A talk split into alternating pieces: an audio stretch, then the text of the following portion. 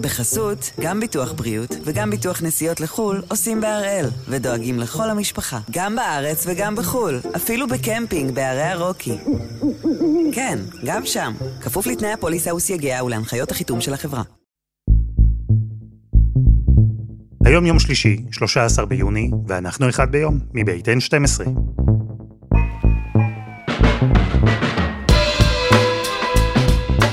אני אלעד שמחיוף, ואנחנו כאן כדי להבין טוב יותר מה קורה סביבנו, סיפור אחד ביום, בכל יום.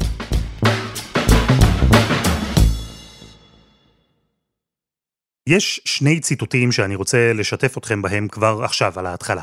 הראשון הוא מספר משלי, פרק כ"ז, פסוק י'. טוב שכן קרוב מאח רחוק, כך אומר הציטוט, והסאבטקסט שלו מאוד ברור. שכן שנמצא לידינו באופן קבוע ורציף, יכול להיות מחובר רגשית ומעשית אלינו ברמה יותר חזקה אפילו מאח שנמצא רחוק.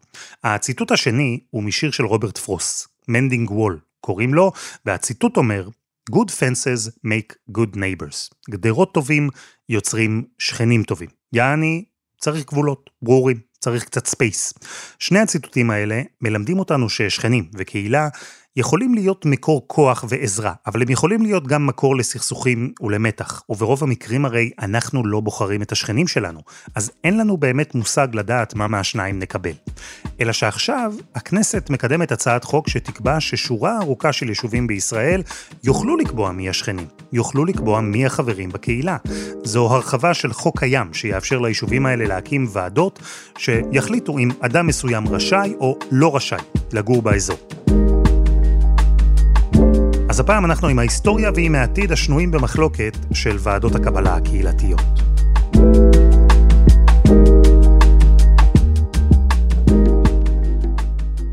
בכל מה שקשור ליכולת של יישובים בישראל לקבל או לסרב לקבל תושבים חדשים, המצב מתחלק לשניים. עד שנת 95 לא הייתה התייחסות חוקית או משפטית בכלל. יישוב היה יכול לסרב לקבל אדם מכל סיבה. להגיד לאותו אדם, באופן הכי גלוי, שהוא לא מתקבל כי הוא גבוה מדי נניח, או כי יש לו שיער בצבע מסוים, או, וזה מה שקרה ברוב המקרים, בגלל המוצא שלו. וזה בדיוק מה שקרה גם למשפחת קעדן, בני זוג עם שתי בנות, משפחה ערבית, שביקשה לעבור לגור ביישוב קציר, אז אגודה שיתופית קהילתית עם כ-250 משפחות. בקעדן היה מדובר בהקמת יישוב חדש, כאשר מינהל מקרקעי ישראל והסוכנות היהודית אומרים למשפחה ערבית, משפחת קעדן, מצטערים מאוד, אתם לא יכולים להיות חברים ביישוב הזה משום שאתם ערבים. דוקטור אמיר פוקס, חוקר בכיר במכון הישראלי לדמוקרטיה, הוא אחד משני האנשים שדיברנו איתם בנושא הזה, והסיפור של משפחת קעדן הוא הנקודה שבה אנחנו צריכים להתחיל לדבר. כי אחרי שבני הזוג שמעו שהם לא רשאים לעבור לגור בקציר בגלל שהם ערבים, אז הם עתרו לבג"ץ. היופי בקעדן זה שאין בו הסתרה, אומרים את האמת. אנחנו אמרנו, כיישוב יהודי, אנחנו רוצים לשמור על המהות שלנו, כפי שהתושבים שהצטרפו וציפו ובנו את בתיהם, לבנות יישוב ציוני בארץ ישראל. פה פשוט אומרים, היישוב הזה הוא יישוב ליהודים בלבד, אנחנו ממש מצטערים, אתם אולי אנשים משכילים ו... ו... נחמדים ומתאימים אפילו לחיות ב- ביישוב שלנו, אבל אתם ערבים והיישוב הזה הוא ליהודים בלבד, נקודה. על זה היה הבג"ץ, ואת זה אמר אהרן ברק שזה פשוט אסור. אתה לא יכול להפלות אנשים על סמך הלאום שלהם, זה כמובן משום הפגיעה בשוויון, זה כאילו ה-obvious, אבל אפילו לא היה צריך את זה. כי הרי כשמפלים מישהו בצורה כזאת ואומרים לו אתה לא נכנס בגלל מי שאתה, בגלל שאתה ערבי, בגלל שאתה בצבע שאני לא אוהב, זה הולך ישר לכיוון של פגיעה בכבוד האדם, זה הולך להשפלה. ממש. זה לא איזה ש... כשאותו אדם לא מכניסים אותו, הוא לא אומר אוי נפגעה זכותי לשוויון, הוא מושפל, פגיעה בכבוד האדם שלו. בג"ץ קעדאן שינה את המציאות, הוא עד היום אחד מפסקי הדין הכי מצוטטים של בג"ץ. בוויכוחים סביב המהפכה המשפטית לדוגמה, השתמשו בו לא פעם. אבל לענייננו. אחריו, זו הפעם הראשונה שהפרקטיקה של לאסור על אדם לקנות בית ביישוב קיבלה התייחסות משפטית, אי אפשר עוד היה לפסול אזרחים רק בגלל המוצא שלהם. מה שנעשה בעקבות קעדאן, היה שהפסיקו לומר לאנשים אתה לא יכול לקבל מגרש ביישוב חדש או להתקבל ליישוב קיים בגלל שאתה ערבי. מה היו עושים? הקימו ועדות קבלה על סמך תיאום עם מינהל מקרקעי ישראל שקבע את הכללים לאיזה יישובים מותר לעשות ועדות קבלה ומה הקריטריונים שלפיהם ניתן לפסול אנשים שניגשים לוועדות קבלה ולאחר שהוקמו ועדות הקבלה האלה, דה פקטו לא התקבלו לאותם יישובים ש, שבעבר היו יישובים ליהודים בלבד, פשוט לא הצליחו להתקבל ערבים, אז עברנו ממצב של אפליה אה, ברורה ועל הנייר למצב של אפליה יותר סמויה, דרך ועדות קבלה שפשוט טוענים אתה לא מתאים לאופי החברתי והתרבותי של היישוב הזה. אז יישובים שונים הקימו לעצמם ועדות קבלה. לכאורה היו מאורגנות ומוסדרות באופן כזה שלא אפשר אפליה אסורה לפי בג"ץ קעדאן. אלא שהתלונות לא הפסיקו להגיע.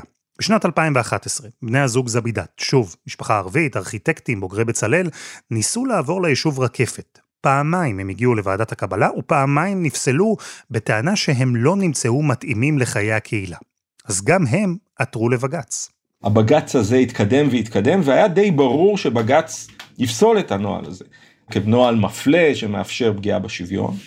כדי להקדים תרופה למכה, נחקק חוק ועדות הקבלה בשנת 2011, שהוא בעצם תיקון לפקודת האגודות השיתופיות, שמאפשר בחוק, לא בנוהל, את העניין הזה של קיום ועדות קבלה, ואת הקריטריונים לפיהם ניתן לפסול מי שמועמד לוועדות הקבלה, וכולל את הקריטריון הבעייתי ביותר של חוסר התאמה לאופי החברתי-תרבותי של היישוב. כשהחרב של בג"ץ הייתה מונפת שם ברקע, הכנסת נכנסה לאירוע. ושם דיברו במקור על הצעת חוק שנועדה לעגן ועדות קבלה קהילתיות, והייתה אמורה להיות יחסית מאוד רחבה. היא הייתה אמורה לכלול יישובים בכל הארץ, להעניק לוועדות האלה לא מעט כוח. ובזמנו, אנחנו ב-2011, הדיונים סביב הנושא בכנסת היו מאוד אמוציונליים. זה, זה יום, אתה יכול להיות, שתתפארו, שיירשם בדפי ההיסטוריה שלכם שהייתם שותפים לחקיקה הנאורה הדמוקרט הזו.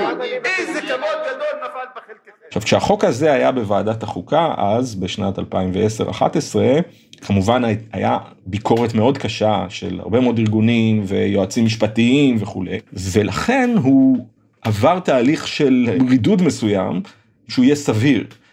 ומה שהכניסו אליו זה סעיף שאומר שאסור להפלות. אסור להפלות מחמת מוצא, גזע, לאום וכולי. ולכן הוא לכאורה, זה מה שעשה לו לגיטימציה, כי לכאורה החוק לא נותן רישיון להפלות, ההפך, הוא אוסר להפלות. אבל עדיין נשאר בו גם הסעיף שאומר שמותר לפסול אדם בגלל שהוא לא מתאים לאופי החברתי-תרבותי של היישוב. עדיין החוק הזה היה מאוד במחלוקת, זה היה אחד החוקים שהיו מאוד במחלוקת אז בשנת 2011. צריכים להתבייש, תתביישו לכם שאתם שותפים לשרץ הגזעני הזה, ולא יכול להיות... היושב ראש הכנסת רובי ריבלין עצר את הדיונים, אה, ממש מנע את העלאת החוק לקריאה שנייה ושלישית, הוא החזיר אותו לוועדה ודרש שיצמצמו אותו עוד יותר.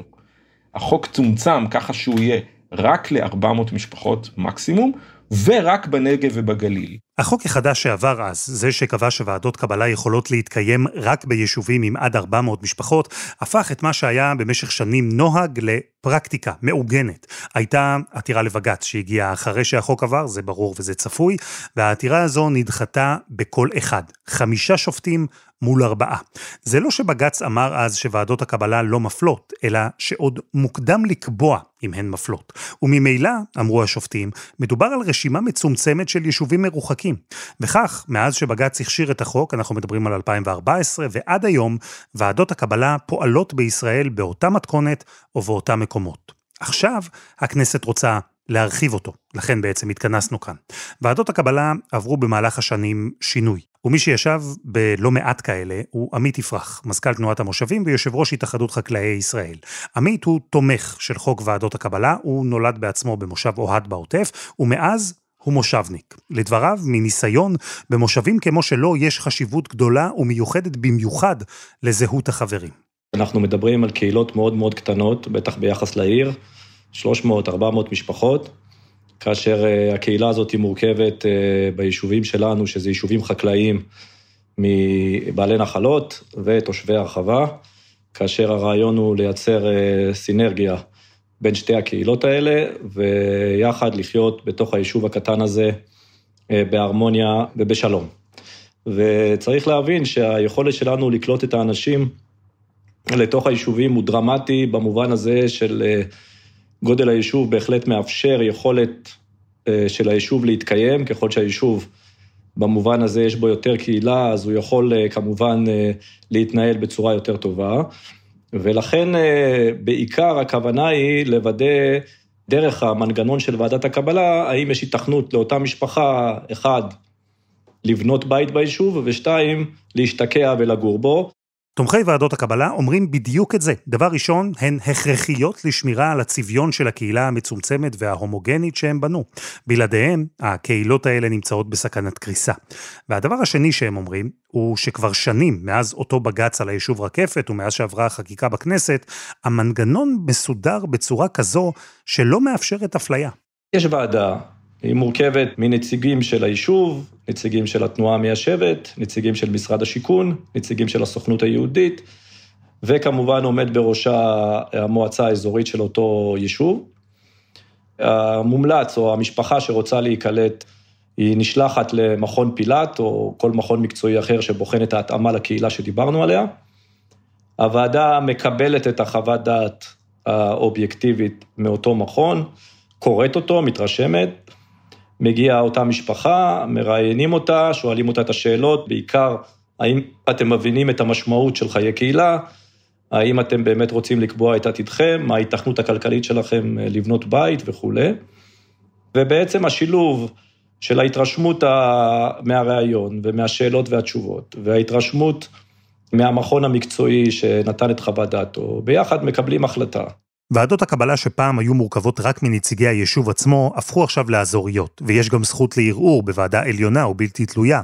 יש איסור בחוק על אפליה, באופן מפורש, אפשר גם לעתור לבג"ץ. והאמת היא שאפילו המתנגדים מסכימים שהמבנה הזה של ועדות הקבלה שיפר את המצב שהיה לפניו. לפחות הדיווחים שאנחנו מקבלים מכל מיני גם גופים בתוך הממשלה שאמורים לפקח, שחוק ועדות הקבלה למעשה עזר. משום שהוא הפך את ועדות הקבלה היותר פיראטיות למשהו הרבה יותר מפוקח ורציני, חוץ מזה שהוא גם ביטל את כל ועדות הקבלה שהיו במרכז. זאת אומרת, היה לו מצד אחד אפקט של לגליזציה של הדבר הזה, שהיה בעיניי דבר שמלבין הדרה ואפליה וגזענות, אבל מצד שני, בפרקטיקה הטענה הייתה שהיישובים הפכו להיות יותר פתוחים לכל מיני אוכלוסיות, כי היה להם קשה מאוד להצדיק את זה אחר כך בערעורים וכולי. זאת אומרת שהטענה היא חוק ועדות הקבלה הוא לא מה שאמרתם עליו, הוא הרבה פחות פוגעני ממה שהיה צפוי, והשאלה האמיתית היא האם יש פה תכלית ראויה. אז זהו, שכמו שאולי הבנתם, למרות הכל, עדיין יש ויכוח, ויכוח על הפרקטיקה הזו של ועדות קבלה. הטענה המרכזית נגד היא שמדובר בכלי גזעני, שלמרות שיש איסור בחוק על אפליה, אותו סעיף מעורפל ורחב שקובע שאפשר לפסול מועמד אם הוא לא נמצא מתאים לערכי הקהילה, בעצם מאפשר לפסול את כולם. היו טענות שהוא הופעל נגד מזרחיים, נגד יוצאי אתיופיה, וברוב המקרים נגד אזרחים ערבים. הטענה העיקרית שלי היא שזה לא רק מאפשר אה, לאנשים להדיר ולהיות את, את, את השונה מהם, למעשה זה אפילו ממש דוחף אותם לשם. זה לתת לבן אדם כוח שאפילו אם הוא לא התכוון, אפילו אם הוא לא רואה עצמו ככה, אפילו שלא במודע, ואני תמיד כשאני מדבר על חוק הזה אני אפילו חושב על עצמי. נניח ש... שלי היה את הכוח ואת האישור החוקי, ש... שתהיה לי ועדת קבלה בבניין שלי בכפר סבא, וכשהשכן שלי, שהדירה שלו צמודה לדירה שלי, היה מוכר את הדירה שלו, אני יכולתי לפסול מועמדים ולבחור את המועמד שכן יקנה את הדירה הזאת. לא הוא בוחר למי הוא אה, מוכר את הדירה, אלא אני בעצם מחליט על סמך כמה מועמדים. אז למרות שאני רואה עצמי אדם מאוד ליברל ומכיל ולא גזען, סביר מאוד שהתוצאה הייתה שבאורח פלא השכנים שלי היו אה, זוג עם שלושה ילדים אקדמאים ו- ודומים לי, כי כנראה שזה משהו שהוא מאוד טבעי. ובאותה מידה אני חושב ש, שזה מה שקורה ב, ב, בוועדות האלה, אנשים חושבים שהם אנשים נאורים וליברליים וכולי, אבל למעשה גם אם הם לא מתכוונים לכך, הם יבחרו את האנשים שדומים להם, זה מאוד מאוד טבעי, ולכן החוק למעשה דוחף את ההדרה, מעודד אותה, מלבה אותה, לא רק שהוא לא מונע אותה. אני יכול לדבר על המושבים, כי זה ההיכרות העמוקה שלי, גם בתור מי שנולד במושב, גם בתור מי שהוא מזכ"ל תנועת המושבים היום, וגם מי שישב עשרות שנים, אה, לא עשרות שנים, אבל לפחות עשר שנים בוועדות קבלה כנציג התנועה ביישובים כאלה ואחרים. אין ולא היה במושבי תנועת המושבים ובכלל במושבים את הסוגיה הזאת, מאיפה באת ולמה באת, זה, זה לא קיים. אה, ולכן מבחינתי זה משהו שהוא בכלל נון אישיו. בזמנו היה דיון בחוק ועדות הקבלה ב-2011, ואז נעשה מחקר על ידי הכנסת, ששם הוכח במחקר ש-98% מהמבקשים להתקבל מתקבלים, ולגבי השני אחוז, הם מתחלקים לשתי קבוצות. אחוז אחד מערער וגם בסופו של דבר מתקבל, והאחוז הנוסף שלא מתקבל זה אותן אוכלוסיות שאמרתי, שלא באמת באים להשתקע ביישוב, אולי באים לעשות סיבוב, אולי לא מתאימים לחיי קהילה וכולי וכולי. יש לא מעט טיעונים לכאן ולכאן בוויכוח הזה. המתנגדים למשל אומרים שגם במקרים שבהם אין אפליה, ועדות הקבלה עדיין נוהגות בפרקטיקה פסולה. לא יודע עד כמה אתה מודע, כל מי שעובר ועדות קבלה, זה ממש חיטוט בחייו הפרטיים, הוא צריך לחשוף את כל העבר הכספי שלו, והוא צריך לעבור מעין כמו קבלה לעבודה, כל מיני מבחנים פסיכוטכניים ודינמיקה קבוצתית וכל מיני דברים כאלה, שהכל נחשף בפני ועדת הקבלה שמורכבת בחלקה אה, משכנים לעתיד של אותו אדם, ככה שהפגיעה היא גם פגיעה בפרטיות. ויש טענה הפוכה של התומכים בוועדות הקבלה, שהרי קהילות סגורות והומוגניות כבר קיימות. יש כפרים ערבים שיהודי לא באמת יכול לגור בהן, או שכונות חרדיות שחילוני לא באמת יכול להשתקע בהן. אז למה, הם שואלים, לקהילה שלנו אסור? כשמדובר באופי מאוד ספציפי, נגיד יישוב של טבעונים, זה בסדר. כשמדובר אפילו למשל יישוב של חרדים, זה בסדר. יישובים שהם קבוצת מיעוט נבחנת, שבעצם מגנה על עצמה ועל האופי שלה, גם בעולם מקובל לתת מעין הגנה למיעוט שיש לו איזשהו יישוב קטן, זה גם יכול להיחשב כסוג של אפליה מתקנת כשמדובר במיעוטים מסוימים, זה שונה מאוד שהקבוצת הרוב, שהיהודים, החילונים, הציונים, משהו כזה, מחליטה להדיר את המיעוטים. זה מאוד שונה. הפגיעה באותו אדם שהוא ממוצא כך וכך, שלא יכול להתקבל לרוב היישובים, או כמעט לכל היישובים הקהילתיים, כי הם מכריזים על עצמם כיישוב אה, יהודי אה, ציוני, היא הרבה יותר גדולה מאשר הפגיעה של כולם שלא יכולים ללכת ליישוב הטבעוני האחד או השניים. זה, זה פשוט לא אותו דבר. חסות אחת וממש מיד חוזרים.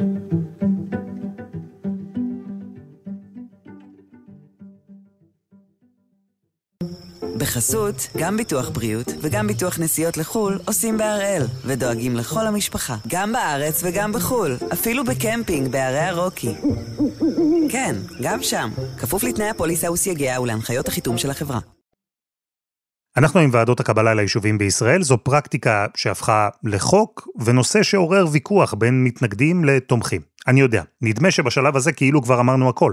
אבל חכו, כי אחרי שנים שבהם החוק קבע שוועדת קבלה תהיה מותרת רק ביישובים עם מקסימום 400 משפחות ורק בנגב או בגליל, בכנסת הקודמת, שמחה רוטמן ושרן השכל הגישו הצעה שגם יישובים עם עד 700 משפחות יורשו להפעיל ועדות קבלה. וזה לא יקרה רק בצפון או בדרום, אלא גם במקומות נוספים. ההצעה הזו התחילה להתקדם, תמכו בה מימין או משמאל, היו יישובים ביהודה ושומרון שרצו אותה, היו קיבוצים שרצו אותה, ועכשיו, בכנסת החדשה נולדה גם הצעה חדשה, והיא מרחיקת לכת אפילו יותר.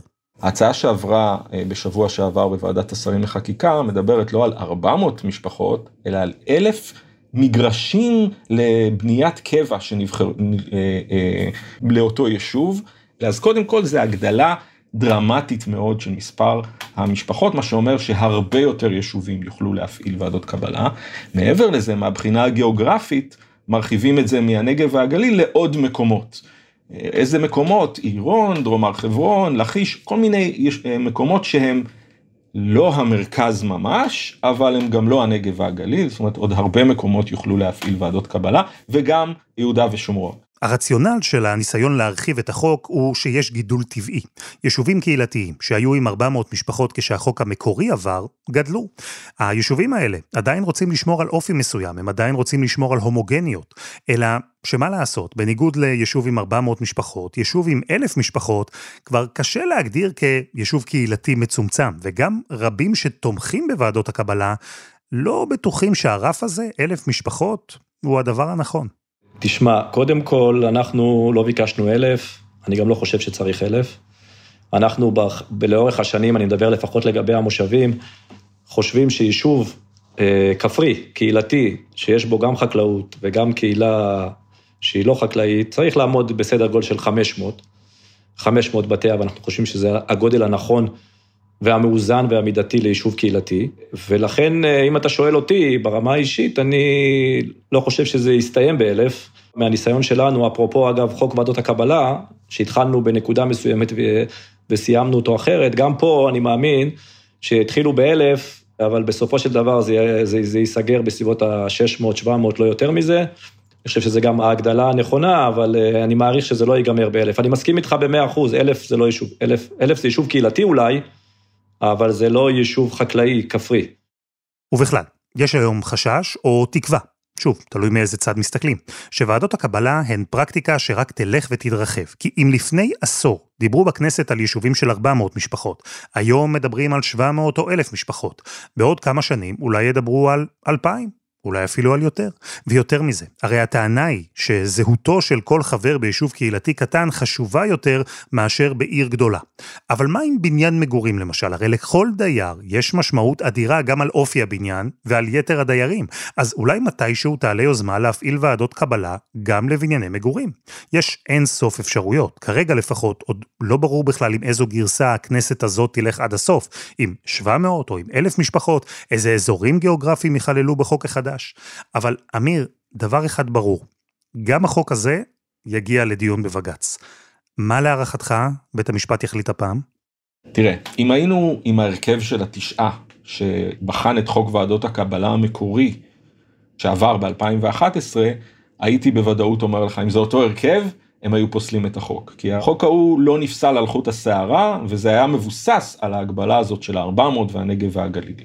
לומר מה יהיה היום קצת קשה, כי בית המשפט עבר שינויים ב-12 שנה האחרונות, ויש שם יותר שופטים שמרניים שאולי לא יתערבו גם בחוק כזה, ולכן אני לא יכול לדעת בוודאות מה יהיה, אבל אני חושב שבג"ץ יפסול אותו. אני חושב שיהיה מאוד קשה לחלץ תכלית ראויה כשמדובר ביישוב כל כך גדול, ואני חושב שבג"ץ יבין שזה גם חלק מתמונה יותר רחבה של אג'נדה של הממשלה של העדפת יהודים, בקרקעות ובדברים אחרים, בדיור, וייתכן ש, שבג"ץ יפסול את החוק, אבל לא בטוח שהם ימהרו להחליט. ייתכן ששוב ייקח זמן ויגידו בוא נראה, אבל יש לי תחושה שבמקרה הזה הם הולכים פה על, אה, לפחות כפי שזה נראה, אם זה ילך על אלף ועל אה, הרחבה לכל אותם מקומות, אני חושב שזו הרחבה מאוד קיצונית ובית המשפט לא, לא, לא יוכל להעביר אותה. ייתכן שככל שיעשו שוב פעם פשרות ויקבצו את זה חזרה לאיזושהי הגדלה סמלית, אז הייתי אומר שבית המשפט אה, כנראה שוב לא יתערב. דוקטור אמיר פוקס, תודה. תודה, אילן. ותודה לעמית יפרח. וזה היה אחד ביום של N12. אנחנו מחכים לכם בפייסבוק, חפשו אחד ביום, הפודקאסט היומי. העורך שלנו הוא רום אטיק, תחקיר והפקה שירה הראל, רוני ארניב, עדי חצרוני ודני נודלמן. על הסאונד, מור הרטוב, יאיר בשן יצר את מוזיקת הפתיחה שלנו, ואני אלעד שמחיוף. אנחנו נהיה כאן גם מחר.